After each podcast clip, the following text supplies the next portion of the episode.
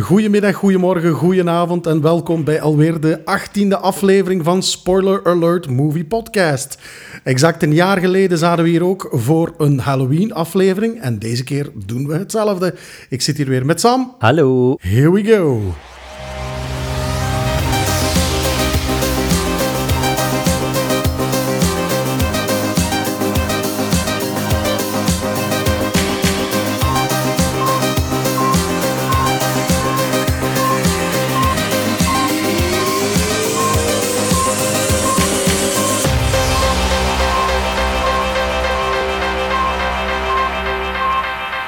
Goed, Piet. Hier zijn we inderdaad voor onze tweede Halloween-aflevering. Yes, zet je in de mood, Sam? Absoluut. Halloween is altijd een feestje. Zeker weten. En we zitten hier deze keer niet alleen weer, hè? Nee, we zitten alone together. Ja. Maar je hebt nog een vriendje meegebracht. Yes, Jordi van Klokslag 12.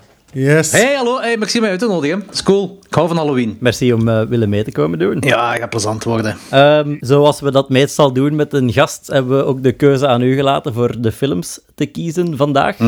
Ook niet ongewoon, omdat jouw podcast horror theme is. Dus eh, de geknipte gelegenheid dat je er eens bij bent. Ah ja, voilà. Kijk eens aan. Eh, welke films heb je gekozen, Jordi? Eh, wel, eh, Piet zei tegen mij van... Jordi, we willen je uitnodigen voor een Halloween-aflevering. Ik ben daar sowieso altijd game voor. En ik vond het heel interessant. De, jullie idee was om een bekendere... Of twee bekendere horrorfilms te nemen, maar zo niet naar het meest cliché te gaan. Dus geen Halloween, of geen Friday, of geen Nightmare, of geen... Ja, weet ik veel, Hellraiser of zo. En daar ben ik beginnen nadenken. En ik had eerst voor de hostelfilms gekozen, maar blijkbaar, Sam, zei jij nee. Ja, dat is niet eh, per se mijn meug, zullen we maar zeggen. ik heb er met Anthony over gehad. En Anthony van, allee jong, allee, waarom niet? Maar zwart, maakt niet uit. Ik ben wel verder gaan zoeken en verder gaan nadenken. En uh, ik, nogmaals, ik vind dat heel interessant om uh, twee bekendere horrorfilms te nemen die toch niet zo mainstream. Want inderdaad, als je, als, als je over Halloween praat en over horrorfilms praat, weet je, een, een Jason Voorhees of een Freddy Krueger of een Pinhead of een Letterface, dat, zo, dat kent iedereen, dat zit er altijd bij. Mm -hmm. En daarom dat ik nu gekozen heb voor uh, uh, William Lustig's uh, Maniac uit 1980 ja. en Halloween 3. De niet Michael Myers Halloween. Ja. Uh, omdat dat toch twee films zijn die een grote cultfollowing hebben. Wel, ene had dat helemaal... Of ene was uh, met de box office met de grond gelijk gemaakt. En heeft nu toch een cultfollowing. Dat is misschien dan voor later.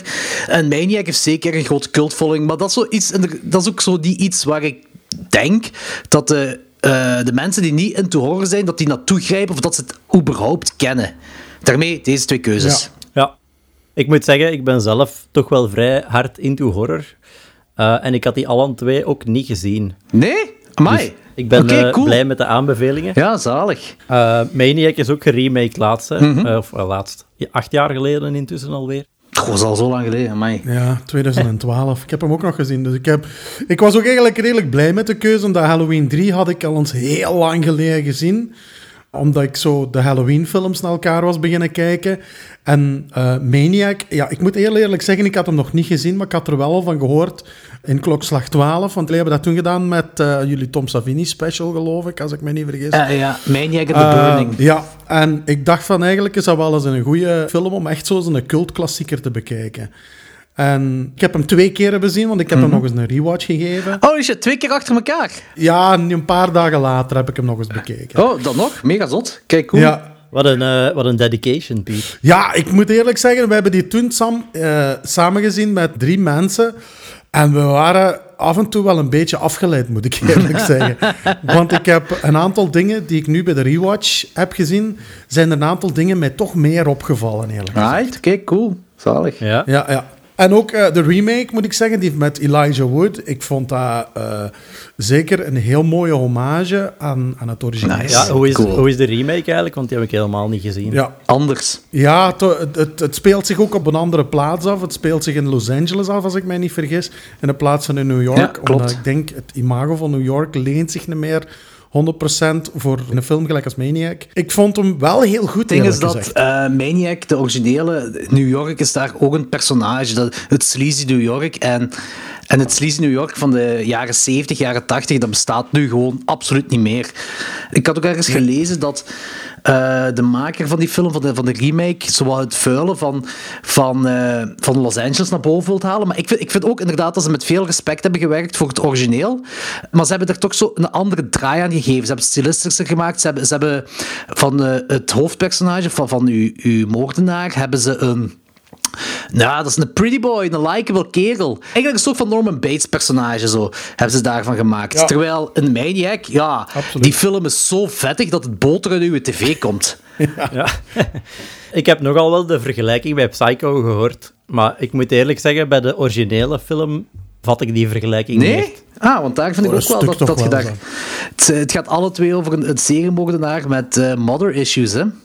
Ja, maar daar stopt de vergelijking toch. Of vergis ik mij? Nee, maar ik, ik vond dat toch wel al een heel goeie eigenlijk. Ah, maar ik weet niet in hoeveel dat vergeleken wordt. Zo, ik snap wel dat er zo dingen van Psycho terugkomen, maar meer hoeft ook niet voor mij. Ja. Misschien nog een klein beetje voor de mensen die Maniac nog niet gezien hebben, eens een kleine synopsis geven. Sam, doe jij het? Ik het, Jordi? Uh, ik stel voor dat onze gast dat doet. Oké. Ja, we beginnen met Maniac zeker, hè? Ja, ja, ja, dat zijn we nu al over. Ja, blijkbaar wel. Ja. dat is chronologisch ook. Dat is chronologisch ook. Dus uh, voilà, het, kl het klopt wel, ja. ja. Uh, Maniac, een film uit 1980, geregisseerd door William Lustig. Uh, Joe Spinell, dat is, dat is de bekendste die erin meedoet. Hij speelt Frank Zito. Basically is deze film het portret van een seriemoordenaar. Een seriemoordenaar genaamd Frank Zito, die erop losgaat in New York om grieten te scalperen. en hij heeft heel veel issues, hij heeft heel veel psychologische problemen. Hij heeft wat paspoppen in zijn kamer, in zijn mega mooie kamer, daar midden in New York.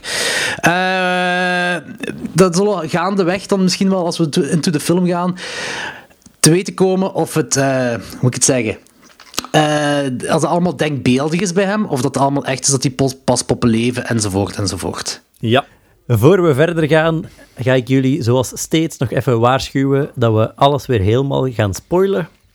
Dus als je deze films nog spoilervrij wilt zien, ga ze eerst even kijken en kom dan gezellig terug. Yes. Het is ook een film, allee, ik moet eerlijk zeggen, er zit veel en weinig verhaal tegelijkertijd in. Ah, vertel Ja, ik vind zo het eerste half uur is het eigenlijk het portret van zijn killing spree, echt zo, hè. Ja, klopt. Je komt wel dingen te weten, maar ze laten eigenlijk gedurende de film maar klein stukjes verhaal los. En op het einde van die film weet je van alles, maar toch ook eigenlijk niks. Want er wordt heel veel aan uw verbeelding overgelaten. En dan zo heb ik het gevoel dat er eigenlijk maar één personage een beetje uitgebouwd wordt. En dat is dan het personage van Spinel zelf. Dat eigenlijk een beetje uitbouw krijgt. Want de rest is eigenlijk zo goed als canon fodder gewoon. Hè? Uh, ja, dat klopt eigenlijk ergens wel. Maar ik, ik, denk ook wel, dat is ook wel de bedoeling. Omdat dit is echt het ik beschouw dit als een portret van hem, een portret van een seriemoordenaar, een portret van een psychopaat. En ik weet ook niet of ik meer zijpersonages uitgebouwder wil zien of wil aanvoelen. Normaal gezien is het bij mij wel. Zeker zijpersonages moeten meer aankrijgen. Maar ik weet niet of dat hier zou werken. Ja. Ja, ik denk dat dat wel het groot verschil is met deze film als uh, slasherfilm dan, vergeleken met andere films uit het genre. Dat we hier echt de moordenaar heel de film lang volgen in plaats van een of andere protagonist. Ja, inderdaad. Kijk, een slasher is ook eigenlijk een whodunit. Dit is, ja, dit is absoluut geen whodunit, want ja, nee, we weten, weten van, van, van, van, moment van één. minuut één. Ja, ja voilà. uh, wat vinden jullie eigenlijk van uh, de cinematografie in deze film? Gelijk gezegd, je hebt dat juist ook aangehaald. Die film voelt onmiddellijk heel vuil aan. Heel vuil en vettig gewoon. Je hebt zo echt een heel onbehagelijk gevoel in hoe dat, dat gefilmd is en hoe dat New York fungeert als, als het, personage. Ik heb echt zo inderdaad, gelijk als gezegd, dat heel vettig gevoel gewoon. Nice. je voelt inderdaad direct de vuilheid en zo. En ik denk dat er ook veel een beetje jaren 70 stijl nog in zit. Zeker. Ondanks dat het jaren 80 is. Het ding is ook zo, dit is guerrilla filmmaking. Hè? Dus, en eh, daarmee dat ik deze film al heel fel respecteer. Dus ze hebben nergens in New York toelating gehad om te filmen. Dat is allemaal uh, gewoon, we gaan ervoor. We zetten onze belichting op, we zetten onze camera op en hup, filmen. Filmen en rap weg. Ja, ja, basically wel. Dat is guerrilla filmmaking tot de max. Dat is mega zot. Ah, ik vind dat mega zot dat ik zo van die dingen klaar kreeg dan. Want dat, ja, dat is echt gestoord eigenlijk. Maar als je dan bijvoorbeeld die scène hebt. Want, want de- die film is inderdaad mega, mega sleazy. Dat gaat niemand ontkennen. Dat is, dat is ook eigenlijk voor mij dan, persoonlijk in ieder geval, het charme aan deze film. Dat, dat, dat die cinematografisch mooi is, maar ook mega, mega sleazy is. En toen ik de cinematografie, vro- cinematografie vroeg, vroeg ik eigenlijk zo meer eh, hoe je u de camera en de belichting vond. Want eh, dat vind ik dat dan het algemeen ook wel uitspringt. Zoals bijvoorbeeld die scène onder die, eh, ik weet niet, is dat nu het maanlicht of is dat lantaarnpaal, maar met die auto waarbij Tom Savini eh, zijn hoofd kapotgeschoten wordt met, met, de, met de shotgun. Dat, ik vind dat super mooi uitgelicht. Ik vind dat echt, eh, als je die auto daar ziet staan, terwijl dat eh, Tom Savini eh, eh, bij dat grietje wil scoren, ik vind, ik vind dat echt heel mooi. En dan eh, verder ook die kerkhofscène, eh waarbij zo'n klein eh, jachtje aan de hand is, eh, waarbij zo keif aan het lopen is, onze Frank Cito, vind Ja, ik enorm mooi in beeld gebracht. Is dat die scène waar het zo opvallend is dat er achter elke grafzerk een licht is opgesteld? Eh, ja, dat is die scène. Om het, eh, om het geheel een beetje op te klaren. Ja, en met de mist ook zo allemaal, zodat je nog meer belichting ziet. Ja, dat zag er wel heel cool uit. Maar langs de andere kant zag er dat ook zo wat uit, vond ik. Onze camera was niet kwalitatief genoeg om in het donker te filmen. Nee, volgens mij krijg je ook niet deze mooie beelden door gewoon een donker te filmen. Ik denk wel dat je die belichting nodig hebt. Denk ik. Ah, ik ben geen DOP, Maar denk ga je, ik een denk je dat een, een, ehm, een stilistische keuze is? Of denk je dat het een noodzaakkeuze is? om Ah, ik, ik denk wel dat er bepaalde stilistische keuzes gemaakt zijn. Ik had echt meer de indruk dat dat een noodzakelijke keuze was, eerder dan we gaan dit zo doen omdat we het mooi vinden. Maar dan moet je toch niet zoveel met je belichting werken? Dat is toch makkelijker, zeker als je met guerrilla filmmaking bezig bent, om gewoon een lampje te zetten en je ziet die man en hup, het is oké. denk ik. Ja, Ja, ik vond het wel mooi in beeld gebracht. Ik vind zo gemerkt dat ze hun best hebben moeten doen, eh, inderdaad, om het spel belicht te krijgen. Maar het heeft uiteraard wel een heel charmant gevoel, vind ik, naar gelang de cinematografie, denk ik wel. kan misschien inderdaad wel een, een noodzaak zijn, maar het, ja, voor mij persoonlijk heeft daarvan geen belang, omdat het er mooi uitziet. Of nu noodzaak is, Ja. Of stilistisch, het, het eindproduct eh, is...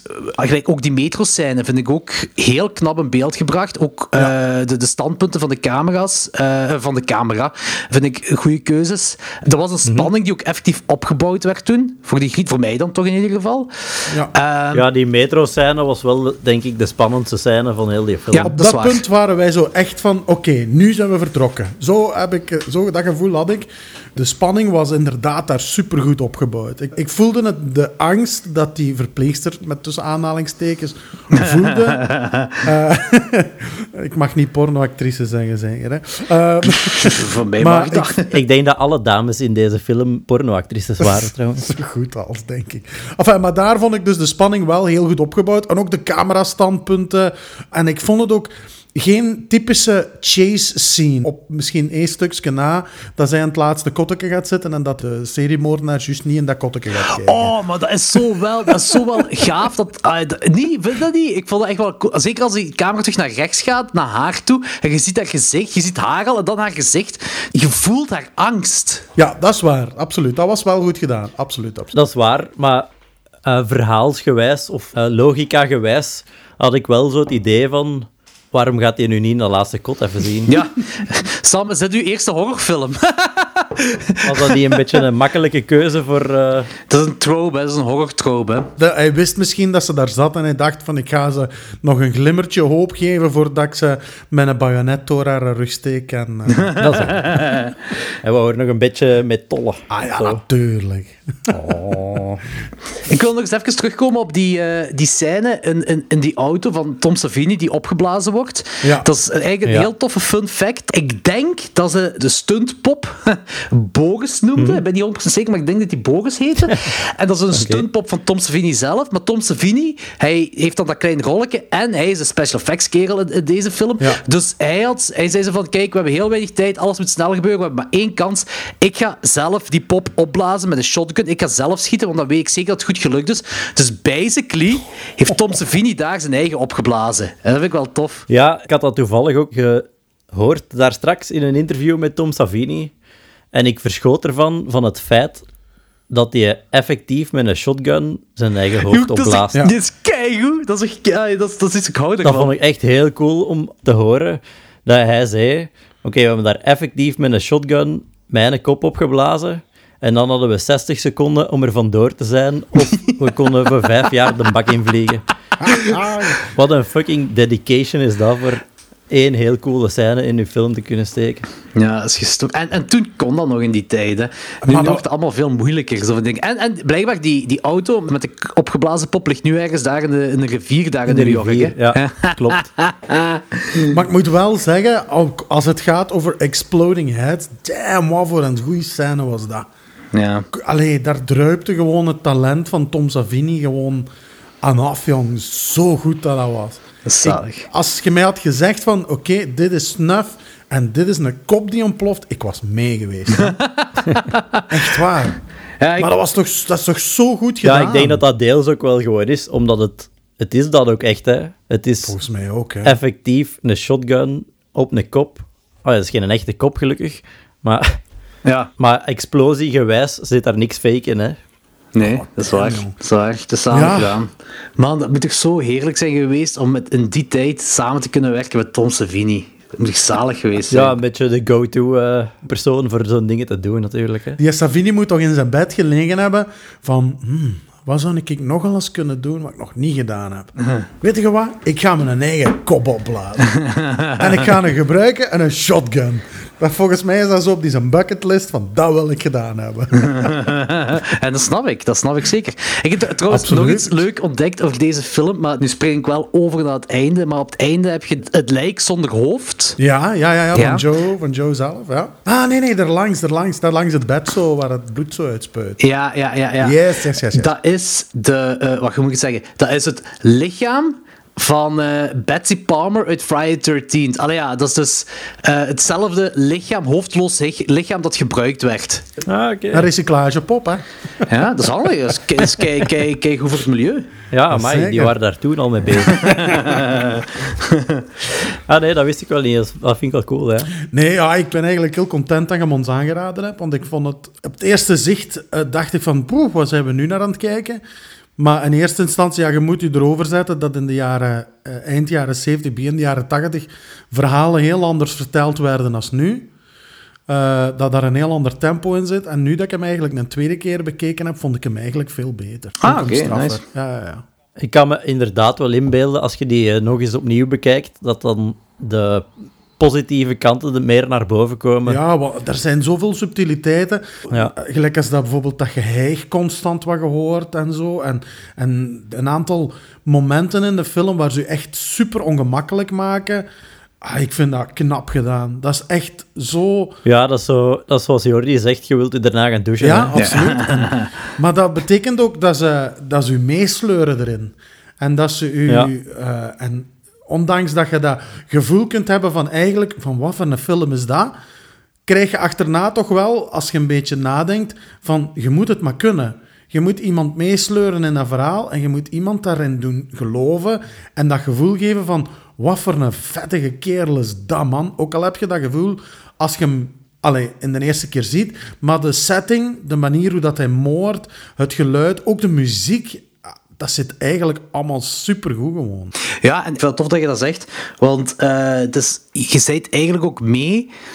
Allee, mee zijn, dat is nu ook al veel gezegd, maar eh, je wordt meegesleurd in die film, terwijl uw hoofdpersonage, en eigenlijk uw enigste personage, gelijk jij ook ervoor zei, dat dat uitgebouwd wordt, is een vieze, smerige, vettige psychopaat. Eh, Dat is heel moeilijk om mee te zijn met zo iemand. Ja, en toch en doen toch ze het. Ja, mee zijn, mee zijn vind ik misschien wel veel gezegd. Ja, het is daarmee dat ik zei dat dat is wel veel Maar gezegd. ja. Maar het is, het is toch... ah, ik bedoel, het sleurt u wel in de film. hem. Het sleurt u wel in de film. Ja, ze dwingen Ja. nu even in zijn kop te gaan zitten. Hè? Ja. Ja, dat vind ik nog wel eh, goed verwoord. Echt goed gedaan. Ik denk dat een van de grote pro's van deze film ook is dat de maniac dan, of de seriemoordenaar, veel realistischer is dan andere films uit het genre. Absoluut. Ik, ik ken gewoon heel weinig films in het genre. Want ik, ik beschouw dit niet als een slasher. Ik beschouw dit echt als een portret van een seriemoordenaar. En, en de, de, de, degene die mij nu in mijn hoofd springen zijn, zijn ja, Henry. De, de- dat is letterlijk ook wat de titel staat. Ja. Portrait of Serial. Maar ook... eh, die vorig jaar uitkwam, de Golden Glove. Uh, of gelijk Ah, Danny het zei, de Golden Glove, dat is eigenlijk Maniac meets de helaasheid der dingen. Oké. Ja, ja die is, die is, eh, dat is ook echt een smerige film over een, een, een echt gebeurd verhaal, ook over een seriemoordenaar uit de jaren 70. Een Duitse seriemoordenaar.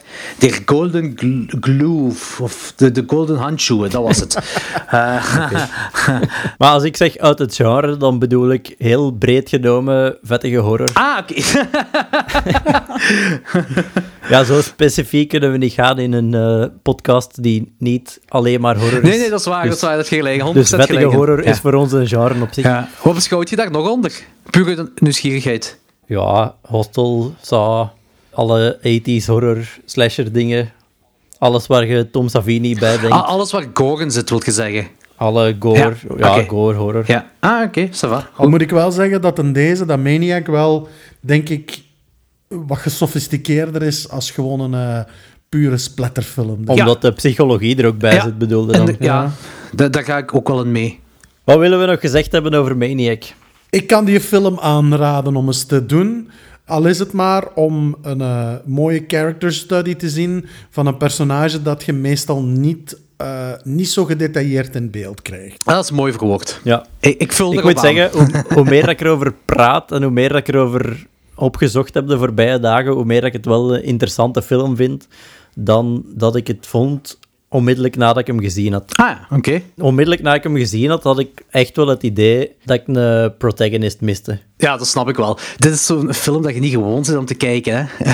Want je Ja. zit inderdaad wel Ik, een eh, ik, was, ik antagonist wist ook absoluut niet waar, eh, waar dat we aan begonnen toen dat we de film opgezet hadden. Maar je had nog nooit van de film gehoord? Eh, ik had er wel van gehoord, maar nog, niet gezien. Nee. Ah, wel. Cool, bij deze dan. Maar het is, het is wel uiteindelijk goed bevallen. Ja, zeker en vast. Zou jij die film eigenlijk aanraden aan niet-horrorfans? Mm, Ik niet. Nee.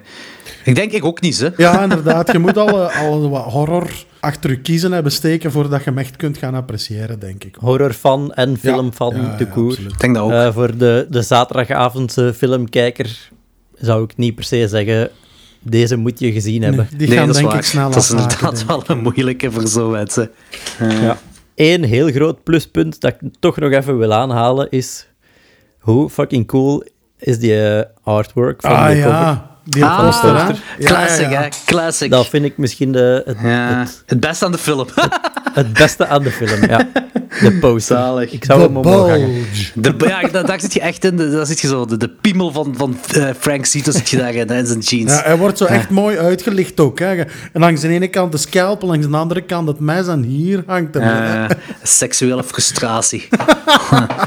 Goed, moeten we nog iets meer Alright. zeggen over die film? Of gaan we hiermee afronden voor Ik denk dat we kunnen afronden. Oké. Ja.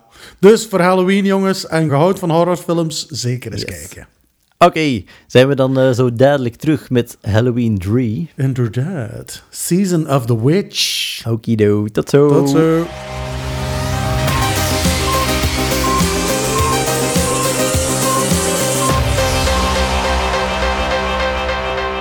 Alright, dan zijn we nu terug. En voordat we aan Halloween 3 beginnen, Jordi, Ja. eh, zou ik het toch even met u willen hebben over eh, uw eigen filmproject. Want eh, dat weten misschien onze luisteraars nog misschien niet direct. Jij hebt ondertussen uw eigen film afgemaakt.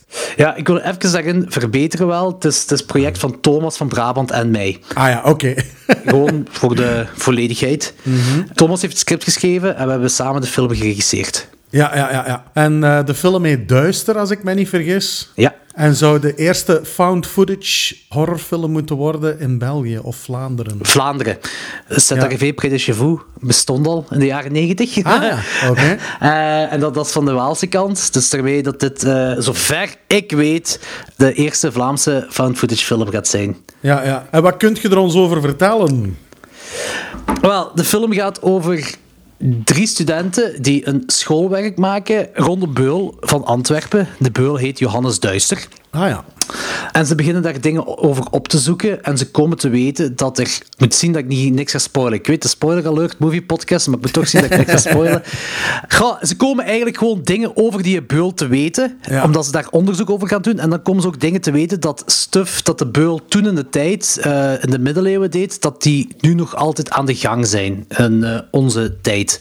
Ah ja, cool. En dan komen we ergens terecht met onze studenten. Ah, zo. En is er al een release date bekend? Of uh, waar gaan we hem kunnen gaan zien en wanneer? Uh, er zijn nog een paar dingen die we moeten afkloppen. Wij mikken op de filmfestivals van het voorjaar, volgend jaar. Die ik denk ergens april, mei gaan zijn. Ah, de filmfestivals, de, de genrefilmfestivals bedoel ik dan. Zoals het BIF en Offscreen.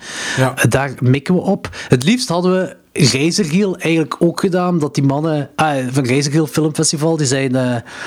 Ah, ook met Klokzeg 12, die ontvangen ons met open armen. En uh, dat heel cool geweest, mocht we dat daar doen. Maar tijdgericht gaat dat gewoon. Ja, hey, Reiziger Filmfestival is nu toch, gaat nu toch niet door door COVID-19. En dat zou nu in februari doorgaan. Maar dan gaat ja. onze film ook nog niet af zijn. Normaal gezien hebben de ruwe montage sowieso deze jaar klaar hout afkloppen. uh, en dan, ja, dan is de, de rest van de montage, de geluidsmontage en de color correction nog. Dus ik, ik, ik hoop, dus, of wij hopen dat we de, die filmfestivals sowieso kunnen meepikken. Uiteindelijk gaan er ook dvd's komen, uh, zeker voor de mensen die die perk hebben gekocht. Dus er moeten wel dvd's zijn. Er gaan er gaat een première zijn, misschien twee premières. Eén sowieso, misschien twee. En uh, op Proximus TV gaat er ook komen. Cool. Um, mm Voor de rest zijn we nog een paar dingen aan het afkloppen. Aha. We willen nou maar zomaar even wel zeggen, moest je tickets over hebben, we willen graag meekomen kijken. Dat is goed om te weten. Dat is goed om te weten. Ik zal zien wat ik kan doen. Ah, wel, dat is goed. Dus ik kan wel zeggen hoe, hoe het tot stand is gekomen als je daar interesse in hebt. Ga je gang. Eigenlijk is dat heel funny. Um, het was vorig jaar, 2019. Ik was denk ik nog op vakantie met mijn vriendin, ja. En ik kreeg een bericht van Thomas. En Thomas ken ik dankzij... Hij had vroeger een podcast, Zaal 4. En hij had dan ons, Klokzeg 12, eens uitgenodigd. Uh, en zo hebben we elkaar leren kennen. In ieder geval, hij zei van... Joh, die kunnen we eens afspreken. Uh, liefst zo snel mogelijk. En toen zei ik van... Ja, ik ben dan terug in België. Die vrijdag lukt wel voor mij. En de woensdag ervoor had ik een script. Mm in mijn brievenbus. En ik zo, ah Thomas, wat is de bedoeling van dat script? Moet ik dat gelezen hebben tegen vrijdag? en hij zo, ja, liefst wel.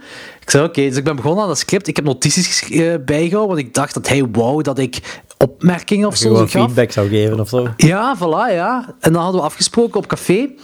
En ik begin ook onmiddellijk zo. Ja, ik zei, ja, maar ik ben keihard mee met het script, mega cool. Ik zei, ik, ik, zei, ik zou dat dan wel zo doen, ik zou dat dan zo doen, bla bla bla. En zei, ah ja, oké, okay, tof, gaaf, bedankt voor de opbouwende kritiek. Maar daarvoor heb ik u niet gevraagd. zo, hoe? Ik wil die film maken bij u. Ik zei, ah! en zo is dat een beetje tot stand ja, gekomen. Ja. En dan hebben we denk ik een aantal maanden geback and forward over het script. Het script is heel veel veranderd tegenover... De basis zit er nog zeker nog wel in van hetgeen wat ik op begin te lezen heb gekregen. Maar ondertussen hebben we die wel straffer gemaakt, vind ah, ja. ik. En, en, dan is de zoektocht begonnen naar alles. En naar de crew, naar uh, audities gedaan, enzovoort, enzovoort. Maar dat is uh, vrij vlotjes gegaan allemaal dan begrijp ik. Vlotjes is heel veel gezegd. Als, als 2019 uh, nog maar het plan geopperd is, we gaan dat doen. En het is nu al... Thomas had het script in 2018 volgens mij al geschreven. Okay. uh, in 2019 zijn we daaraan begonnen. En dan was het zoektocht naar budget en naar, naar productiehuizen gaan en uh, et cetera, et cetera, et cetera. En, en het ding was, omdat je een fan footage film hebt, heb je niet zoveel budget mm. nodig. Kun je alles veel sneller filmen. Waarop neerkomt dat wij tien draaidagen hebben gehad wat belachelijk weinig is. We hebben ook belachelijk weinig geld eigenlijk tegenover andere low-budget films gehad. Het is langs de ene kant inderdaad wel vlot van uh, we zijn 2019 begonnen met de zoektocht en, en dat en we hebben nu zelfs door corona uh, in 2020 alles ingeblikt. Dus op dat opzicht wel, maar het waren wel heel zware dagen allemaal en het was heel veel vrije tijd die van ons afgenomen was om aan die film te werken. Want ja... Op korte tijd gewoon heel hard gewerkt, wil ja, zeggen. inderdaad. Want zowel Thomas als ik hebben een vaste job. Dus dat is allemaal zo na de uren dingen dat we gedaan hebben. Buiten dan het opnemen ja. was dan tijdens ons verlof. Ja, ja. Alright. Awesome. Ik ben uh, super benieuwd om de film te zien. Alright. Je gaat er sowieso van horen. Wees gerust. Okay. Ga je uw eigen film reviewen in uw podcast? Uh, oh, dat zou ik heel graag vinden. dan zullen wij het moeten doen, hè. Dan zullen wij het ah, doen. Ja, Gelle mocht dat zeker doen. Nee, maar we zijn echt benieuwd, Jordi. En uh, we hopen natuurlijk dat je de nieuwe Sam Raimi wordt, hè, samen met Thomas. Cool, merci. Dus, nogmaals, ga duister kijken binnenkort op Proximus TV. Hupsa. En dan zullen we verder gaan met Halloween 3. Nee, wat denkt je? Dat vind ik een heel goed idee. Zullen we? We zullen. Goed, Halloween 3, waar gaat dat over, jongens? Uh, ja, nu mag een van jullie de synopsis doen, hè. Pete, go. Goh, Halloween 3, Season of the Witch, is eigenlijk de vreemde eend in de bijt van de Halloween-reeks. Gaat over een stadje waar dat een fabriek staat die Halloween-maskers maakt en daar is iets vreemd mee aan de hand. Ja, dat is mooi gezegd. Nou, dat is heel mooi gezegd. dat is je zit wel eh, eh, eh, Tom motherfucking Atkins vergeten te vermelden. Ah, dat is ja. heel belangrijk. Heel belangrijk. Er is een dokter in de film die alcoholieker is en zich voordoet als inspecteur van de politie zonder daar een of andere badge voor te hebben of zo. En ook wel over het algemeen een beetje een smeerlapje is, hè. Ah, maar een fantastische smeerlap. Die speelt altijd zo... eh, allee, Tom Atkins, ik heb daar niet superveel films van gezien, maar als ik hem een rol zie spelen, en hij is daar ook fantastisch in, speelt hij meestal ofwel de eh flik die drinkt en zijn job moe is, of de dokter die drinkt en zijn job moe is, of de architect die... Ik zeg nu maar iets, hè, maar... en hij komt ermee weg om een, eh, met een griet naar bed te gaan die pas haar vader verloren heeft. In deze film toch? Die poept overal, ze. Daar mogen zeker van zijn. Die poept overal. Als je mij Tom Atkins zegt, mijn favoriete film van Tom Atkins is helaas, ik heb Halloween 3 nu gezien, is niet Halloween 3, 3 godverdikke man, is niet Halloween 3, maar wel Night of the Creeps. Nou, de Creeps is ook Ik fantastisch. weet niet of jij die gezien hebt, Sam? Ik heb die wel eens gezien, ja, maar dat is wel al lang Het is geleden. trouwens ook opgevallen dat hij zelf een marketingproduct is voor Miller Lite. Zo, hier in Halloween 3 drinkt hem constant Miller Lite. Het is Is op een bepaald moment Oh. is hij, is hij met zijn ex-vrouw weer aan het bellen via zo'n eh, telefoon op, op straat. En dan heeft hem een sixpack op de andere telefoon staan. En dan gaat hem weg in de auto. En dan neemt hij een sixpack mee om in de auto te kunnen eh, drinken terwijl hij aan het rijden is. en The Night of the Creeps zegt hem letterlijk op een bepaald moment: It's Miller time. Terwijl Ah, dan een zombie afknalt. Ja, wie weet wat hem ervoor betaald krijgt natuurlijk. Hè? Goed. Ehm, moeten we over Halloween 3 misschien nog even snel melden voor mensen die hem niet gezien hebben, dat Michael Myers niet meedoet? Ja, dat is eigenlijk wel heel goed dat je dat zegt, ja. Want ik ga er gewoon altijd vanuit dat als je erover praat, dat iedereen wel weet waarover het gaat. Maar willen jullie het verhaal doen van eh, hoe dat komt? Doe maar. Dus voor jullie luisteraars dan ook. Dus het origineel was het plan om met Halloween een franchise te maken, waarbij eh, een anthology franchise, dat elke film Ja. die uitkwam, zou rond Halloween of op Halloween uitkomen. En het thema zou Halloween zijn, maar het zou altijd rond iets anders draaien. De eerste zou dan een seriemoordenaarfilm zijn, de tweede is anders, de derde is anders, bla bla. Maar de eerste had zo'n groot succes en dat was met zo weinig geld gedaan, dat eh, de studio zei van, ha, hier gaan we een tweede van maken. John Carpenter haatte dat idee, maar hij had een contract, dus moest hem toch maken. Had hij zichzelf kapot gezopen op een nacht, had hem het script van Halloween 2 geschreven op een nacht, had hem dan eh, Halloween 2 gemaakt. Daar had hem de slechtste keuze ooit gemaakt door eh, Michael Myers familie te maken met Dingske. eh, Laurie? Strode. Laurie Strode. En en toen is er uiteindelijk wel een Halloween 3 gekomen. Die dan niks met Halloween 1 en 2 te maken heeft. Die is dan mega slecht ontvangen, omdat er geen Michael Myers in, in voorkwam. Maar dat was wel al het plan dat die niks met elkaar gingen te maken hebben. ja, inderdaad. Want ik had eerder het idee dat er een script was en dat er dan iemand dacht, we gaan dat gewoon aan die franchise linken, zodat er mensen komen kijken. nee, nee, nee. maar nee, dat is een Dus, dat is- verkeerd idee dan. Ja, ja, de bedoeling was dus echt om dan te beginnen met een anthology-ding. Maar dat is zo slecht ontvangen, omdat de mensen kwaad waren dat er geen Michael Myers in voorkwam, eh, dat ze zeiden van, oké, we gaan terug met Michael Myers verder doen bij Halloween 4. En al de rest. Alright. Ja, er komt wel Michael Myers in voor. Hè? Op de televisie. Ja, op tv. Zelfs een cruciaal moment, hè, want dat is de film waarbij dan daarna het grote reclamespot gespeeld wordt, waardoor eh, al die kinderen breiden eh, in moes worden. Dus al, achter die film wordt dan het muziekje gespeeld en, en, en dat reclamespotje, en dan zien we dat daar in de bar, denk ik. En dan wanneer hem daar gevangen Ja. is door eh, die warlock, eh manhex, whatever, dat hem daar de tv inslaat van... eh, en de twee keer vind ik zelfs heel cool, want dan hoort je de originele soundtrack van Halloween, hoort je spelen, omdat het daar op tv speelt, Ja. maar die gaat perfect over met het ding wat eigenlijk in scène gebeurt in Halloween 3. Dus eigenlijk de soundtrack van Halloween 1 op tv dient als soundtrack voor Halloween 3 op dat moment. In die kleine scène. Dat vind ik Ja. heel cool gedaan. Nu we het toch over de soundtrack hebben, ik heb fantastisch, hè? Absoluut. Ik heb daar naar geluisterd en we zeiden tegen elkaar, niet waar Sam? Niet waar, Dat we een hele ongelofelijke Terminator-vibe Ja, dat is echt waar. Ah, Zeker ja. ja. bij die opening credits. Ja, ja dat, eh, met die head squishen, hè? Wanneer dat je zo die pompoen ziet verschijnen in eh, licht. In die Ja, ja, streepjes, ja, ja. Ah, dat bedoelt je echt de intro, echt bedoelt Ja, je? echt, echt de opening credits. Ja, ja, ja. En dan de muziek dat daaronder zit. Eigenlijk was er nog niet bij nagedacht. Inderdaad, dat heeft veel weg van de Terminator, ja. Ik heb het opgezocht, dus 1982 was, was Halloween 3, geloof ik. Ja. En Terminator was van 84. Dus, Voor op zijn eh, tijd. Dus ze waren voor op Ja, Terminator. ik denk dat Terminator de mosterd is gaan halen bij Halloween 3. Ik denk dat het gewoon een beetje toevallig is. Het zou kunnen, zeg, maar het is echt akelig dat het echt dichtbij Dat het waar. Ik had er zelfs nog nooit bij nagedacht, maar inderdaad, klopt. Het heeft er inderdaad veel van Het weg. gaat ook over robots, dus ja, uiteindelijk. Androids gemaakt door warlocks of heksen Ja. of, of whatever. Goed, nee, maar het is wel een heel aparte film zo. Ik kreeg zo halvelings eh, beelden van, wat is dat hier, de Stepford Wives zeker, kreeg ik zo'n heel beetje in mijn ja, hoofd. klopt, klopt. Ik ben mee. Plus Ja, ook ja. ehm, het Children of the Corn gehalte vond ik ook redelijk hoog liggen. Zo. Dat mogen we uitleggen. Dat had ik niet. Ik vind Children of the Corn ook een kutfilm, hè. Dat moet ik erbij ja, zeggen. Je bedoelt, bedoelt gewoon de sfeer van dat, van dat dorp waar ze uiteindelijk in de Ah, recht Ja, dat verlaten is. Ah. ja, dat dat zo een aparte commune is en dat ze zijn onmiddellijk out of place zo. Oké, dat kan ik wel. Jawel, dat snap ik Ik zal wel. ja. misschien wat duiding geven. Er is een man die gedood wordt. En via via wat onderzoekswerk komen dus eh, Tom Atkins en Dan zijn lady friend.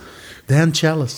Ja, dat is een dokter, ja, dat is juist. Ja. Eh, komen terecht in het dorpje waar dat eh, het maskers gemaakt worden door een bedrijf. En dat bedrijf heeft zo heel dat dorpje in zijn greep, zal ik maar zeggen. Ja, klopt. En eh, ja, dat, is, dat geeft trek zo'n heel eerie gevoel, dat stadje zo. Ik had wel van aan het begin van de film tot bijna op het einde eh, altijd de vraag: wat de fuck is de endgame van, van dat bedrijf? Uiteindelijk wordt dat wel vermeld, maar ik Er vond was dat, wat te weinig uitleg voor u, zou het je zo zeggen. niet dat er te weinig uitleg was, maar gewoon dat de, ik had liever een motivatie gehad waar je begrip voor kon hebben of zo. Sacrifice, hè, om eh, de hekserij terug eh, in kaart te brengen voor hun, voor die heks allemaal. Ja, dat is iets natuurlijk moeilijk om mee te gaan Ja, als mens. ik vond het een beetje flauw gewoon zo. Een beetje een flauwe motivatie. Dat probleem had ik niet.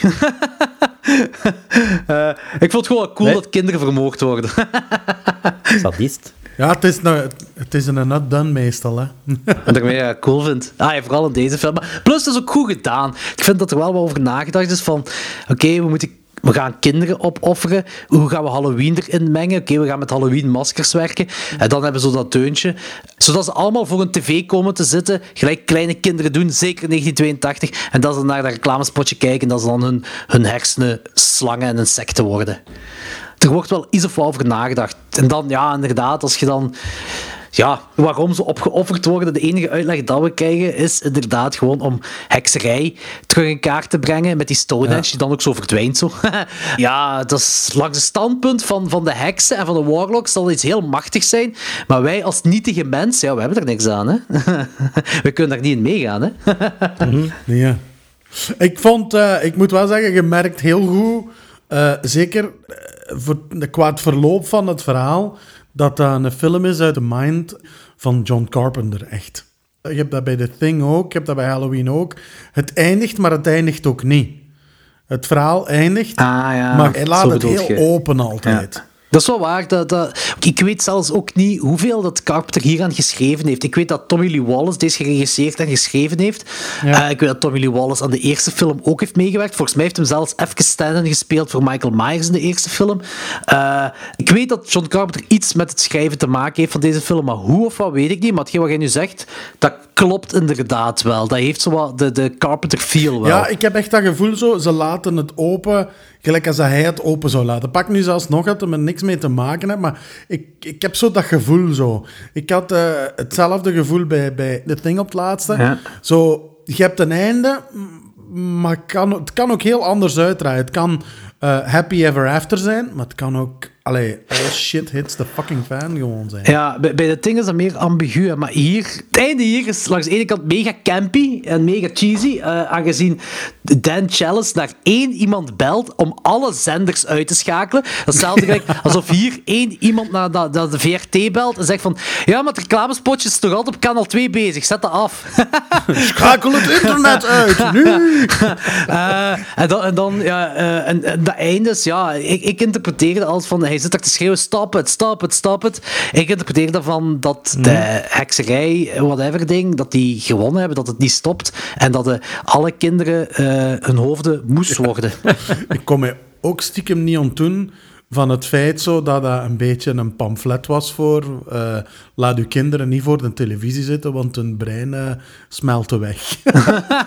Ja, ah, wel, dat kan misschien wel. Er toch een diepere boodschap in zit in de film. Vroeger, eh, ik, ik weet toen ik klein was in ieder geval, eh, dat mijn ouders toen niet, maar mijn tante die zei dat wel zo van, eh, en mijn oma ook zo van, dat je niet dicht bij de tv mocht zitten. Dat was in de jaren 90 dan, in de jaren 80 zal dat zeker ook geweest zijn. Dat is wel goed. ik had zo dat gevoel zo van, laat ze niet te dicht bij de televisie zitten, want hun ogen vallen eruit. Ja, nu dat je dat zegt, ik denk dat dat, ik denk dat, dat eigenlijk ongetwijfeld wel een deel ervan is. Hè. Dat kan wel, dat zou inderdaad wel kunnen, ja. Trouwens, in, in Halloween 3, en, en nu weet ik niet of dat een naad is, dat zal waarschijnlijk wel een naad zijn, maar eigenlijk is dat ook ergens wel een link naar de andere Halloween-films, of de- eh, het Halloween-universum van Michael Myers. Die, eh, oh, ik ben de naam van de griet kwijt. In ieder geval, die griet die, die, waarvan de vader dood is, ze zijn toch zo in die dagboek aan, aan, het- aan checken naar Ja. wat dingen dat hem nog ging doen. En op een bepaald moment zegt zij zo van, kijk, hier, eh, daar is hem niet naartoe gegaan. Hier, afspraak met die persoon, daar is hij niet naartoe gegaan. En op een bepaald moment zegt zij, mini Blankenship. Daar is hem ook niet geweest. Maar Mrs. Blankenship is een personage in Halloween, The Curse of Michael Myers. Dat is de vijfde of zesde Halloween-film. Daar is Mrs. Blankenship een, een slechterik. Nu, Ja, ja. zoals ik zei, dat, dat, dat kan gewoon een naad zijn voor de Halloween-fans. Dat eh, een Halloween 5 of een Halloween 6, dat ze dan eh Blankenship hebben gezegd, omdat, dat, omdat dat hier ook in voorkwam. Of je kunt er ook verder in gaan, als in een fantheorie, en zeggen van, zo is Halloween 3 toch geïntegreerd in eh, het Michael Myers-universum. ja, ja, voilà. Ik denk dat je te ver nadenkt, Jordi. Ja, dat is mij al vaker gezegd. maar het is wel mini Blankenship. Dat is, ai, Blankenship, dat is nu niet een, een naam dat al vaak voorkomt, hè? Denk ik toch. Ik zou dan denken dat het gewoon een kleine knipoog is Ja, van, zo. van de makers. Ja. Ja, het zal waarschijnlijk wel. Fanservice, gelijk ze dat noemen. Ja. Eh, maar ik vond deze, Halloween 3, ik had hem vroeger nog gezien, maar dan spreek ik over de momenten dat DVD pas aan het uitkomen was.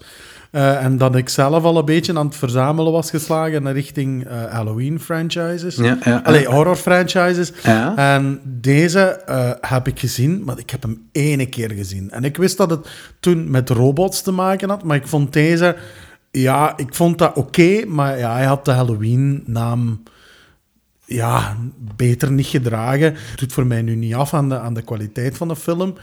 Maar ik denk dat hem toen daar heel slecht, eh, dat hem dat heel slecht heeft gedaan. Daar geef ik u gelijk in. Ik denk zelfs dat die film gewoon beter had gewerkt als dat gewoon Season of the Witch zou heten, zonder de Halloween 3. Ja, Ja, Denk daar ben ik het ook wel mee eens. Ja. Ik kan daar wel begrip voor opbrengen als toen het plan was om daar een anthology-serie van te maken. Hè. ja. Maar op die moment dat je die voor het eerst gezien had, had je dat niet verwacht. En dan heb je daar hetzelfde op gereageerd dan de meerderheid van de mensheid. waarschijnlijk, ja. En je dacht, fuck you, waar is Michael Myers? Ja, ja, dat zal inderdaad wel de reden zijn waarom die heel slecht ontvangen is.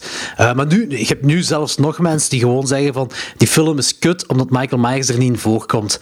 Dan denk ik echt van, joh, uptight, onnozelaar zit je allemaal. Le- le- leer deze film gewoon eens appreciëren al- als een film op zich. Weet, weet je, voor mij is dit de tweede beste Halloween-film. Ja? Ja, ja, sowieso, zonder twijfel. Weet je hoeveel slechte sequels dat de Halloween-franchise heeft? Ik heb ze nog niet Dat allemaal gezien, eerlijk gezegd. dat is echt...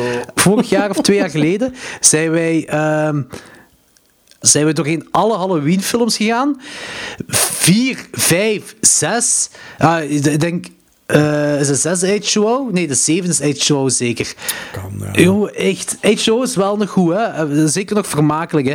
Maar vier en vijf, ja. En pl- plots halen daar een cult bij, Cult of Thorn, ook zo'n rommel. Ah, Eh, echt. jawel, die heb ik wel gezien. Oh, En, en, en, en de ne- is dat de negende? Halloween Resurrection? Met, met dinges? Eh, oh, hoe heet Met die exhibit of ergens ergens iets, Nee, hè? niet Exhibit. eh, Buster Rhymes. Buster Rhymes. Trick or treat, motherfucker. Echt, joh. Halloween heeft echt granzige, granzige sequels. Halloween, ah, k- kijk, kijk, Halloween, de originele, vind ik fantastisch. 10 op 10 voor mij. Halloween 2, ik vind die leuk. Gewoon al, ook al omdat ik die gewoon al vaker gezien heb toen ik klein was. De nostalgische waarde is wat hoger. Ja, voilà. Halloween 3 is mijn tweede favoriete eh, Halloween-film.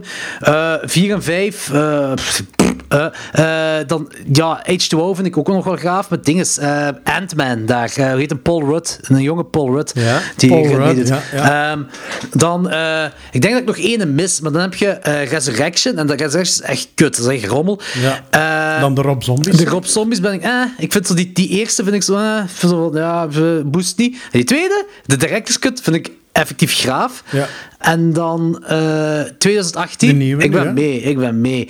Ik ben mee. En Ik, ik heb zoiets van Blumhouse, eh breng er maar terug leven in, want, ik vind, eh, want ze, gaan- ze gaan er een trilogie van maken en ik snap dat ook. Zo van, doe maar. Je hebt mijn, je hebt mijn Ik vond hem ook straf. Maar Ja. was dat nodig? Goh, ja, want die heeft heel veel sequels uitgeveegd. Oké. Dus ja, dit is, dit is eh, de twee- 2018 is, de, de, eh, is terug een sequel op de eerste. Ja, ik heb die nog niet gezien eigenlijk, moet ik zeggen. Maar... Voor mij is die heel fel nodig, want in de tweede hebben ze de keuze gemaakt om, om Michael Myers familie te maken van, eh van Laurie Strode. En dat zo... Dat, En dan wordt nu uitgewist dan. Ja, dat is gewoon... Hier kun je echt... Hier, hier is Michael Myers terug gelijk de allereerste Michael Myers. En dat kun je een beetje vergelijken met een... een, een kakkerlak of een insect dat gewoon eh, de hele tijd aan het wandelen is op je bureau en je doet daar een glas op en die blijft de hele tijd tegen die glas tikken. Die gaat gewoon vooruit, de hele tijd vooruit. Ja. En dat, dat is wat Michael Myers is in de eerste, dat is wat hij ook is in 2018. Alleen in 2018 wordt hij daar een beetje eh, naartoe gewerkt dat hij terug naar, naar eh, Haddonfield gaat door door een of andere Turkse Loomis-imitator. een vrij hard kut personage Ja, is. inderdaad, daar heb ik het ook Eh, aan. het heeft zijn flaws. Die film heeft zeker zijn flaws. Ook een paar CGI-dingen waarbij ik denk, eh, moet niet.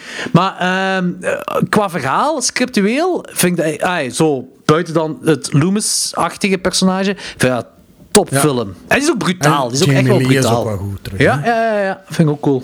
Maar Halloween 3 dan, om het daar even Just terug yes. over te hebben, vonden dat dan op zich zo'n eh, goede film? Ja. Want ik vond persoonlijk, ik had al vernomen dat het de vreemde eend in de bijt was. Mhm.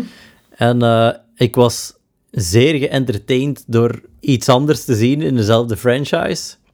Maar om nu te zeggen dat ik dat echt een supergoeie film vond, dan dat is wel ook een brug te ver, denk ik. Goh, ja, voor mij niet, jong. Ik, eh, ik hou van deze film. Dat is ook een film die ik elk jaar met Halloween opnieuw kijk. Eh, deze samen met de originele Halloween en met, met Trick or Treat. Ja. Eh, die straalt de Halloween-sfeer keigoed uit. Het is, eh, die soundtrack is on point. Die ziet er ook mooi uit, die film. Die, die 80s-sfeer zit er ook keigoed in. Ja. En de film wordt wel gedragen door Tom Atkins. Want ik denk ook wel, moest er een ander personage, eh, sorry, een andere acteur in zijn, had ik die film niet zo leuk gevonden. Ja. Of minder leuk gevonden. Het is Tom Atkins die, die echt perfect gecast is voor de rol. Wat nu dokter dan alcoholieker is, dat even de flik gaat uithangen. Ah, je weet het, dat is, trekt op niks. Dat kan ook alleen maar de jaren 80. Eh, en ook zo telkens die beslissingen maakt van, ah ja, wat gaat jij nu doen? Oké, oké, sure, whatever. En je gaat er gewoon mee, gewoon dat die kerel... Ja, ik weet niet, dat is zo... En, en ook, uw, uw, uw weapon of choice zijn maskers. Ja. Vonden dan een pro dan? Of? Ik vind dat pro, ja. Ik vind, ik vind het eigenlijk heel cool dat ze die maskers hebben gebruikt om eh, eh, kinderen hun, hun hoofden te ineens smashen met... En, en dan dat dat dan insecten uitkomt. Ja, ik vind dat, ja, ja, zeker. Dat is een dikke, dikke pro. Zeker weten. Ja. Ik moet eerlijk zeggen dat ik een beetje... eh, ja, ik val in herhaling van Maniac, maar ik miste een likable protagonist. Tom Atkins? Ik, ja, Tom Atkins? Hoe kan hij niet likable zijn? Dat is, zo, dat is zo de kerel waarvan je wilt dat dat uw pa is. En uw opa. En uw broer. Ja, dat, Dat is is, wel... dat is uw beste maat die je niet hebt. Dat, is dus, dat, dat wilt je toch punten mee pakken op café? Hoe kan die nu niet likable zijn? Dat heb je nooit gehoord. ik Dat had is de pa die wel podcast. meebrengt. Nee. zo... Ja, ik weet niet... Ik gaf er weinig om, eigenlijk. Gaat er Eh, niks mee. Nee. Ik wil nog graag één ding aanhalen. Echt waar. Ja? We hebben hier heel Ja? fel zitten lachen op een gegeven moment. Ik weet niet of je het u nog herinnert, Sam. Maar de fietsbel. Ja, Wacht, fietsbel? het ding Ja. waar niemand van weet, wat is dit voor een raar technologisch snufje? Ah, zo, oké, Hier is ja. wel wat meer aan de hand. Die vrouw was toch in één keer, die onderzoekster zeker, die hij Ja, een paar ja, keer ja. belt. Die zit Ja. zo met dat, eh, dat afgebrand spul te spelen. Dat is Ja. gewoon een fietsbel die hij in haar handen heeft. Hier is toch wel iets louche aan de hand. Een verbrande Ze, ze heeft fietsbel. wel gelijk dat, dat het geen auto-onderdeel is. Ze Dat wel is gelijk. Dat, dat is niet gelogen. Dat is dat niet maakt het eigenlijk nog grappiger om te weten dat dat fietsbel is. Ja. Trouwens, eh, Jamie Lee Curtis, eh, die heeft ook een cameo in deze film. Nee. Die heb ik gemist. Dat heb ik ook gemist. Zij is de stem op de intercom die daar eh, zit te zeggen dat er een curfew is op, was dat, 7 of 6 uur s'avonds. Allee, geweldig. Dat ja, dat was me nu ook wel echt niet opgevallen. Was u dat opgevallen of heb je dat gelezen of Dat is gewoon iets wat, ik al keilang weet. Wat, wat ik, eh, Dat is gewoon een weetje. Ik zeg, ik, kijk- ik kijk die film elk jaar. Ehm, Awesome. We hebben die film ook met Klokslag 12 eens echt in zitten deepdiven. Ehm ik heb het ooit eens gelezen en dan pas daarna valt het dan wel op. Hè. Dus eh, Als je het weet, valt het op. ja, ik denk niet dat ik dat van de eerste keer door had. Zeker niet. Want dat is ook een intercomstem. Weet je. Dat is zo... Allee, niet dat, maar je weet wat ik bedoel. En wat ik ook wil zeggen is, ik vind de tagline vind ik ook heel cool. Want de tagline van Halloween, de origineel is The Night He Came Home. En hier is de tagline The Night No One Comes Home. En het klopt ook met de film. Oh, Vind ik wel cool gevonden. diep. Ja. Moeten we misschien nog één kutscène aanhalen? Oei, oei. ja, tuurlijk. Eh, waarin dat ehm, Tom Atkins dan, denk ik, ik weet, ik weet, ik weet begot niet meer hoe zijn karakter noemt, Dan Chalice. Ja. en eh, het vrouwtje dat erbij hoort, Ja, die naam ben ik ook kwijt. hun eigen onopvallend willen verplaatsen op de werkvloer en zich verstoppen achter een cart Ja! met maskers. en dan samen met de cart vol maskers de werkvloer overkruisen. Ja. is toch geniaal? Toen dacht ik echt, damn, deze is zo fucking dwaas. maar dat is, dat is iets typisch 80s, zoiets. Ja, dat is charme. Dat was zo cartoonisch. Dat is dat charme. Nee, vind je niet charme? Ik vind Ja, dat ik vond dat, ik vond dat heel silly wel. Ja. Ja, ja, dat wel. Dat sowieso. Dat sowieso. Ik weet niet of dat, dat eh, de score van deze film ten goede gekomen is voor mij. ja, vind je zoveel die dingen echt uh, stookt je dat in de film? Ja, dat is toch. Veel films hebben toch zoiets onnozel. Ja, het is niet voor die ene scène dat ik nu ga zeggen, deze is een kutfilm. Maar ik denk dat de film beter had geweest als het er niet in was. Dat ze zijn er niet in zat. Ja. We Zware de- scène, We zware zullen de scène. Sam Bergen kut maken. En dat eruit halen. Maar ja, Ah, voilà. Nee, maar ik vind, ja, uiteindelijk, eh, het is een toffe Halloween-film. En hoe zal ik het zeggen? Kijk Maniac alleen en kijk Halloween 3 met eh, een bak bier onder het salontafel. ja, daar ben ik het mee eens. Zeker. Eh, Halloween 3 kun je volgens mij ook wel aan meerdere mensen aanraden dan... En, Toegankelijker ja, misschien. veel toegankelijker. ja. absoluut. Er is ook veel meer verhalen. Hè. Terwijl er wel kinderen vermoord worden. Ik weet niet of jij er nog iets over kwijt wilt, jongens, maar ik denk dat ik er, eh, dat ik er wel ben. Ik kan wel nog een half uur dat liedje zingen. Ja. Oké, hier gaan we. Nee, daar ga, daar ga ik jullie van besparen. Nee, eh, ik was mee en ik heb hem nu drie keer in totaal gezien. En ik zal hem misschien nog wel eens een, eh, eens een paar keer Ja, opnieuw cool. kijken, denk ik. Is dat niet twee keer te veel, Piet? Voor u misschien wel, hè, Sam? Yo.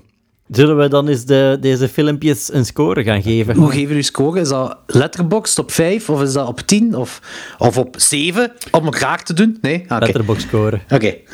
We hebben eerst nog geprobeerd op 21, maar dat was raar.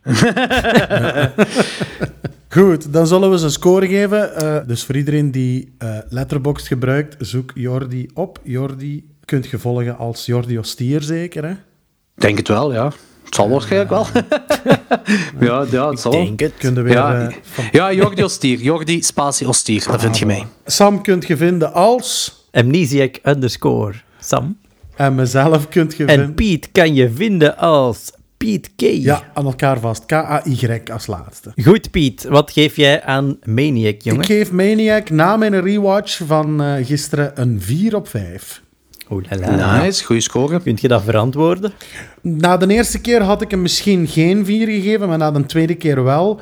Eh, van het ogenblik dat je meer details eruit gaat halen en eh, dat je, ja, gelijk als Jordi gezegd heeft, een aantal eh camerastandpunten en keuze van opstellingen, noem maar op, dat je daar meer aandacht voor gaat krijgen. En dat heeft ervoor gezorgd dat hij een hogere score heeft nu bij mij. Ja. Alright. Jordi, wat geef jij aan de, aan de Maniac? Ik geef een Nu ben ik wel heel benieuwd eigenlijk. 4,5. 4.5, goddamn. En terecht ook wel dat, dat, die score krijgt. Fucking goede film, jongen. Dat is echt... Er is in mijn ogen niks slechts aan die film. Als in... Die film doet waarvoor hem gemaakt is. En dat is zeker niet ieders ding. Maar Ja. die is wel goed gemaakt in zijn ding waarvoor hem dient. Snapt wat ik bedoel. Ja dat, ja, dat vind ik wel fair. Ja. Ja. En, en eerst, zou, eerst zou ik hem een 4 geven, maar ik heb hem een half puntje meer gegeven. Gewoon omdat je, als je weet hoe dat die gemaakt is, dan is dat waanzinnig. Dan is dat, dan is dat gewoon waanzinnig dat er überhaupt een, überhaupt een film is kunnen uitkomen. Met die gorilla filmmaking. Ik denk dat een goede maatstaf ook is voor hem. Eh, hoe, in hoeverre gaat die film u bijblijven? En die film gaat me echt wel bijblijven. Ja. Weet je, het is ook een cultklassieker, hè? Het is een cultklassieker ook voor iets, hè? Die, die heeft een fanbase. Dus, dus voor heel veel mensen die zijn opgegroeid in de jaren 80, die ik ken, is dit hun favoriete film ook, te koer. zeker onder de horrorfans. Dat is misschien wel een film waar dat je in die tijd makkelijk door into het genre kunt verzeild geraken. Omdat het eh, qua special effects en zo echt wel is waarom dat veel mensen dat soort films gaan bekijken. Ja, dat kan wel. Zijn daarmee akkoord? Ja, dat, kan, dat, kan, dat zou inderdaad wel kunnen, ja. En wat is uw wel. score dan, Sam? Spannend, hè? Eh, ja, mits dat achteraf ik nog wat opzoekwerk gedaan heb en zo, ben ik inderdaad wel positiever dan ik initieel was. Omdat het eh, special effects werk wel cool is en ehm, de manier waarop het gemaakt is wel, is wel cool. En het feit dat we die, eh, de moordenaar volgen en in zijn psyche terechtkomen, vond ik allemaal heel cool, maar ik miste toch wel ja, een protagonist eigenlijk. Iemand waar je voor kunt supporteren. Snap ik wel, ze. Uh, dus ik heb het uiteindelijk een 3 gegeven, 3 op 5. Ja, dat is eh, anderhalve punt te weinig, hè, Sam? nee, nee, nee, ik snap dat wel. Zo. Maar eh, jij zit wel een grote horrorfan, zeg hè? En eh, wat zijn eigenlijk uw favoriete horrorfilms dan? Gewoon om, om een- dat ik meer weet waar, waar uw dingen liggen. Ehm, wat zijn mijn favoriete horrorfilms? Dat vind ik een, een, een moeilijke vraag. Het eerste waar ik direct aan denk is The Thing. Ja, Drag Me to Hell vond ik ook mega cool, of vind ik nog steeds mega cool. ja. Ja, er zijn zoveel coole, coole films, maar ik, En zombiefilms is ook wel uw ding, hè, Sam?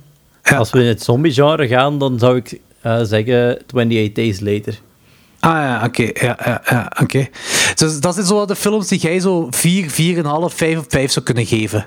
In het horrorgenre dan, ja. Ja, ja, ja. ja. En het horror zo. Oké, ja. Buiten de dingen is dat zo meer de, de modernere eh, horror zo. Ja, ik denk dat het meer Ah, gaat, het zijn ook fantastische films dat jij opzomt. Nou, naar mijn mening toch? maar... Maar het is da- daar waar zo meer uw ding ligt. Is meer de modernere dan... dan eh, gelijk, gelijk zoals zo de jaren 70 films of de jaren 80 films is zo minder dan uw ding. Goh, ik, vind, ik vind dat daar heel coole dingen aan zijn om voor te kijken. Ja. Maar als ik echt het over mijn favoriete films heb in het horrorgenre, dan gaat het meer om... Word ik geëmotioneerd als er iets gebeurt met het Ah, hoofdpersonage? ja, Oké, ja, ja, dat snap ik. En dat was hier niet echt Ja, het nee, geval. dat snap ik ook.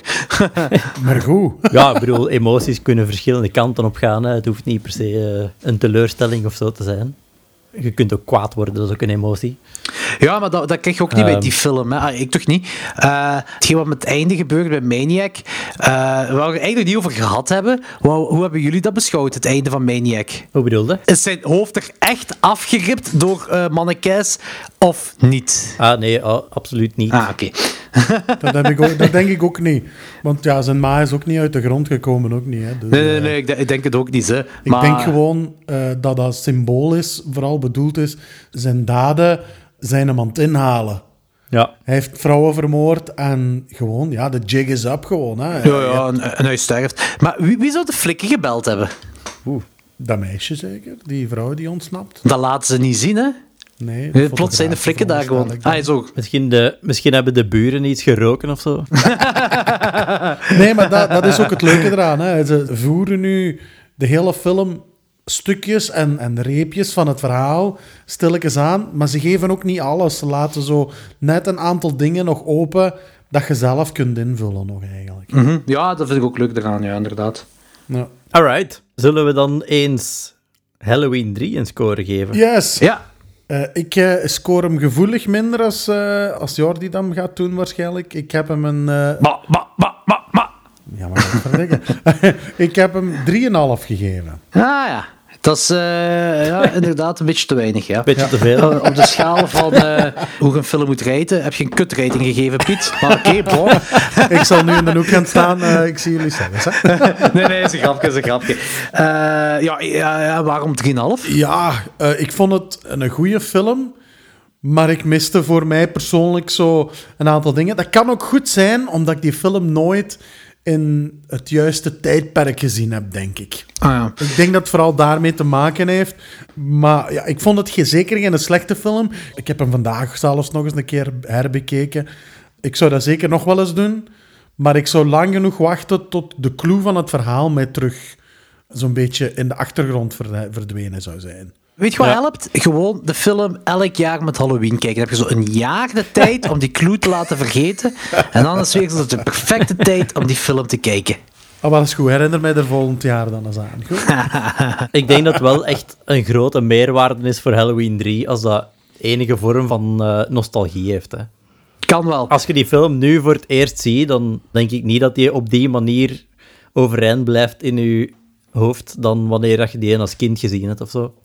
Nu, ik denk niet dat ik die als kind gezien heb. Of als, of puber. Ja, misschien wel in mijn tienerjaren. Ik heb hem wel vroeger alles gezien, dat wel. Eh, maar ik ben hem sinds de laatste jaren, pak de laatste tien jaar of zo, dat ik die jaarlijks ben aan het kijken of zo. Eh, Dus er zal wel inderdaad wel een, een hoop eh, nostalgie bij zijn, ja. En wat geef jij eraan, Jordi? Ik geef die film hetzelfde gelijk mij niet, ik 4,5. Ook 4,5. Zijn wel zeker. Het is een van mijn favoriete films ook. En ik kijk die elk jaar opnieuw met, eh, met Halloween. Eh, deze samen met eh, de originele Halloween en samen met Trick or Treat. En het is inderdaad wel nostalgie, want als dat zo die beginscherm komt met die pompoen daar, met hetgeen wat jullie er straks zeiden, met die... die ding, Ja, ja, ja. Dat is echt zo, ik krijg echt kiekenvel wanneer dat begint. Dat is echt zo het begin van die Dan film. zit al direct mee. Ja, dus ik krijg ook echt kiekenvel en dat is echt... Plus Tom motherfucking Atkins, hè. Ay, what's not to love van die kerel. Dat is echt zo... Zo'n zalige acteur, die altijd zo zalige personages invult. Leeft hij Eh, eigenlijk nog? Ja, ja, hij leeft nog. Hij leeft Ah, nog. cool. Die, maar die speelt helemaal in kutfilms nu tegenwoordig mee. Ja. Zo'n films die ik, waar ik geen interesse in heb om te kijken. Die heeft nu... Hoe bedoelde nu tegenwoordig? Eh, Oeh. zeg, eh, ik heb verbannen van deze podcast, hè. Dat is allemaal zeven hier. Eh, Oh no. Maar die speelt zo in dingen mee, gelijk, gelijk ik denk deze jaar, vorig jaar was er een film uitgekomen dat Trick heet. En die poster zag er zo slecht uit. Ik dacht van, oh, hier ga ik zelfs niet aan beginnen om te kijken. Dat, dat soort ding van oude acteur, die ze dan zo een klein beetje geld geven, eh, zodat die film iets of wat bekendheid zou krijgen. Eigenlijk hetzelfde is gebeurd met, met Halloween ook, de originele Halloween. Waarbij eh, Donald Pleasence dan gevraagd is om, om een mee te doen. Dat al een bekende acteur was van de jaren 50 of 60 of whatever. Eh, of dingen is Betsy Palmer in Friday 13. Dus die dingen gebeuren zo vaak. En, en hij is nu een van die, die mensen geworden. Ja, ja. Gewoon om er een naam op te plakken, zodat er mensen zouden ja, kijken. ik veronderstel van wel, ja. Ja. Alright. En welke score geef jij Sam? Houd u vast, hè, Jordi. Oh, eh, Hoe zet ik Sam op mute? Wacht. nou, eh, ik wil nog even zeggen, ik was aangenaam verrast, want ik had echt verwacht dat, dat, dat die film echt op niks ging trekken.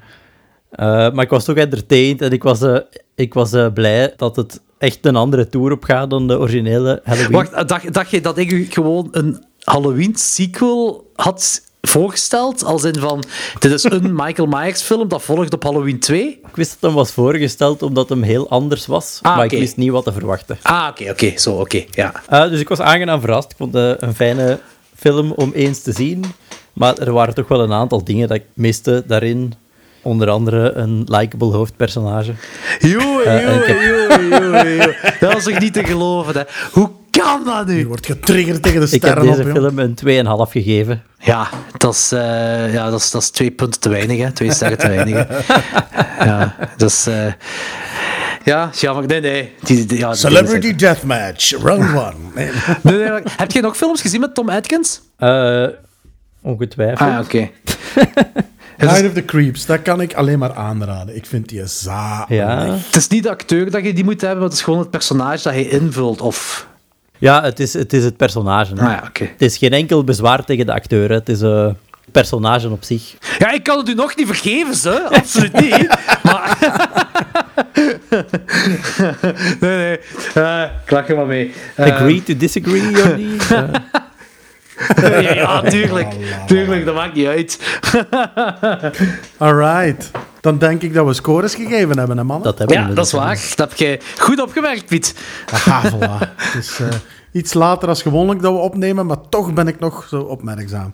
Enfin, eh, ik wil toch wel zeggen dat deze films, gelijk ik zeg, kijk, eh, Maniac alleen en kijk eh, Halloween 3. eh, kijk dat in uw bubbel met een kratje bier onder de, onder de salontafel en amuseer u Ja. te pletter. Voor, voor dat concept ben ik helemaal Voilà. pro voor deze film. Ik ook. Voilà, voilà. Zullen we dan nog uh, zelfs eens bezien wat we nog allemaal gezien Dat is goed, hebben? manneke. Dat zullen we doen. In onze ronde, wat heb je nog gezien? Yes, tot zo. Tot ziens.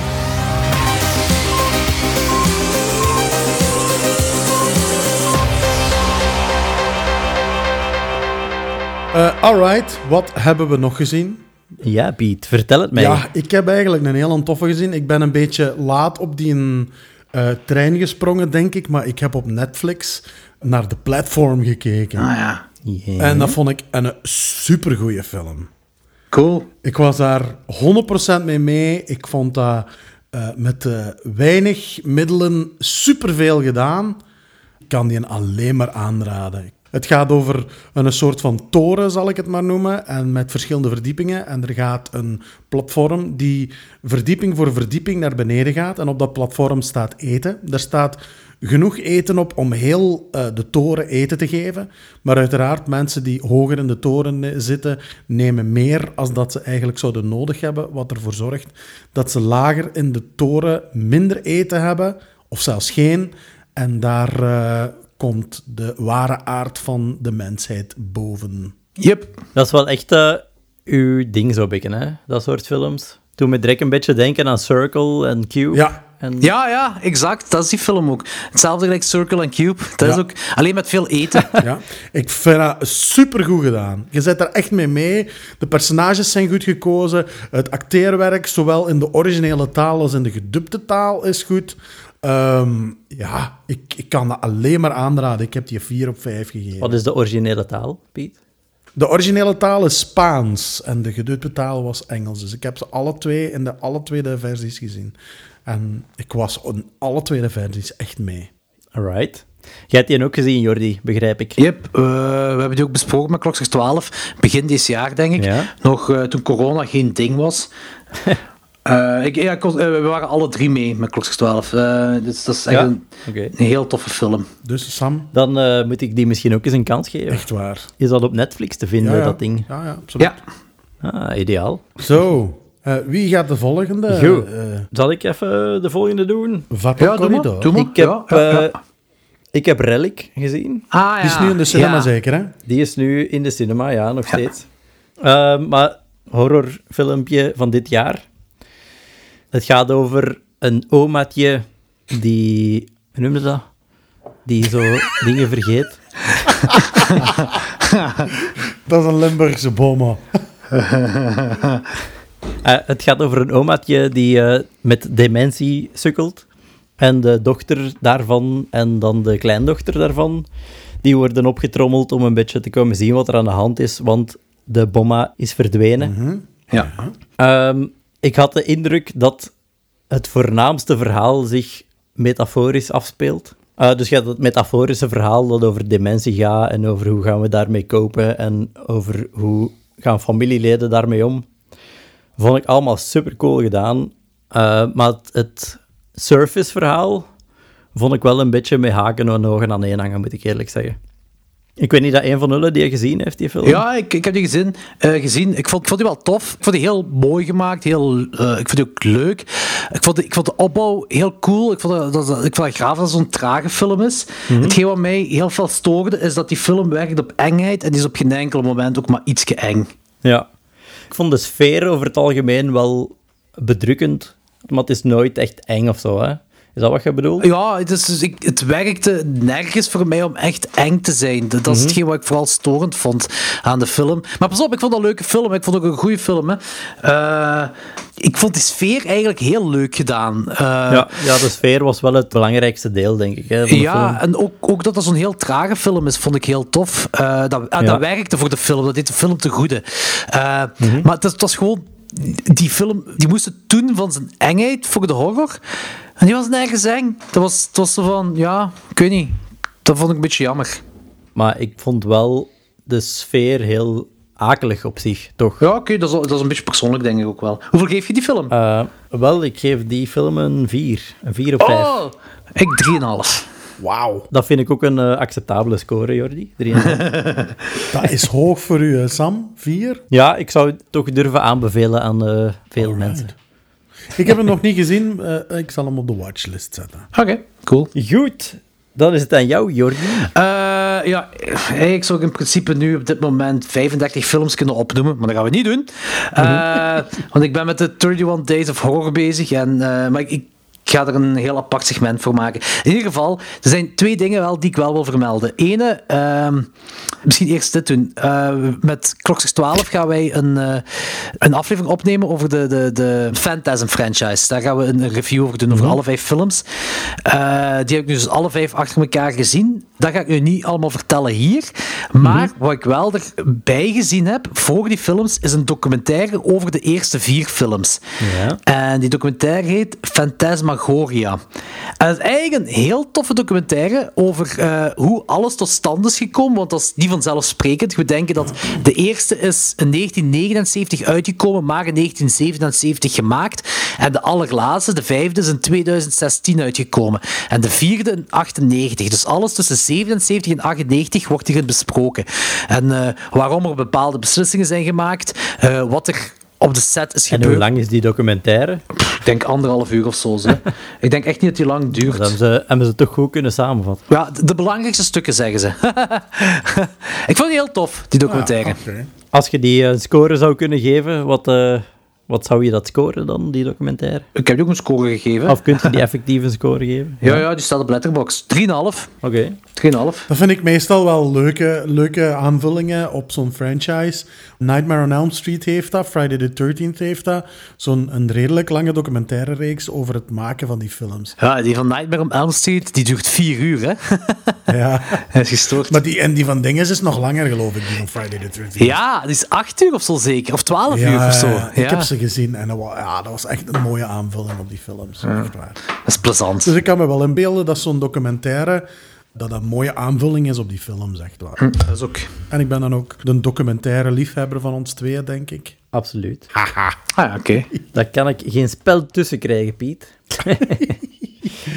Eh, mag ik ook nog een en andere allee, of een vertellen? Ja, tuurlijk. Zeker en vast. Nu ben ik aan het twijfelen. Ik heb er twee. Ik ga jullie laten kiezen. Adam Sandler of Arnold Schwarzenegger. Schwarzenegger. Oké, dan heb ik gekeken naar Killing Gunther. Oké. Oké, vertel. Dat is een mockumentary en die gaat eigenlijk over een ensemblecast van mensen die eigenlijk niet zo heel bekend zijn. Mockumentary gewijs spelen ze eh, huurmoordenaars. En zij zijn van plan om de tophuurmoordenaar te gaan vermoorden, zodat zij de tophuurmoordenaars zijn. Eh, maar uiteraard, eh, degene waar ze achterna gaan, dat is ene die niet onder een dode kip is uitgebroeid, gelijk ze dat in Limburg zeggen. Eh, en die begint... Wie zegt voor- dat Limburg? Niemand zegt dat Limburg. Jawel, jong. Oké. De topmoordenaar heet dus Gunther. En die begint dus één voor één die mensen te vermoorden die eigenlijk in die groep zitten die hem willen vermoorden. En je weet het eigenlijk, ja, als je de poster niet bekijkt, dan weet je het niet.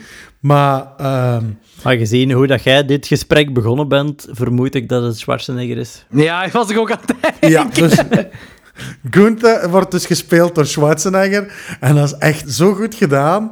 Allee, hoe moet ik het zeggen? What We Do in the Shadows is beter. Maar dit komt eigenlijk ook wel redelijk goed uit de verf. Ehm, de humor is goed. Schwarzenegger doet dat natuurlijk geweldig. Hij kan redelijk goed eh, comedy spelen. Eh, ik vond het leuk om te zien. Maar cinematografisch en, hoe moet ik het zeggen, als film zelf is dat geen grote cinema, maar wel heel tof om eens te kijken. Dat is echt zo een pintjesfilm, echt zo. Ik, dan moet je een paar pintjes voor Maar is het gedronken ook hebben. in het genre van What We Do in the Shadows? Of... Eh, ja, vergelijkbaar toch hoor. Vergelijkbaar hoor. Ja. ja. Je merkt dat ze naar, naar What We Do in the Shadows gekeken hebben en dat ze zeiden van, ja, zo wil ik ook wel iets maken. Oké. En die hebben gewoon ja, huurmoordenaars genomen in plaats van vampieren. Dat is het. Ja. En mits dat het geen hoogstaande cinema is, maar toch plezant, heb ik hem eh, een 2,5 gegeven en een hartje. Ah, toch een hartje. Hartjes zijn belangrijk, hè. Hartjes zijn Ja, belangrijk. het is... Ja, ja, het is puur amusement. Het is leuk om dat te kijken. Hij staat ook op Netflix, dus je kunt uh, bij wijze van spreken zelfs uw tv opzetten, Netflix eraan gooien en Killing Gunther kijken. Ga ik die nog eens opnieuw kijken? Misschien. Maar dan ga ik het vooral doen als ik dat samen met kameraden kan doen. Gelijk bijvoorbeeld als jij bijvoorbeeld bij zou zitten, Sam. Ja. Met Jordi bijvoorbeeld ook. De mannen van Klokslag 12.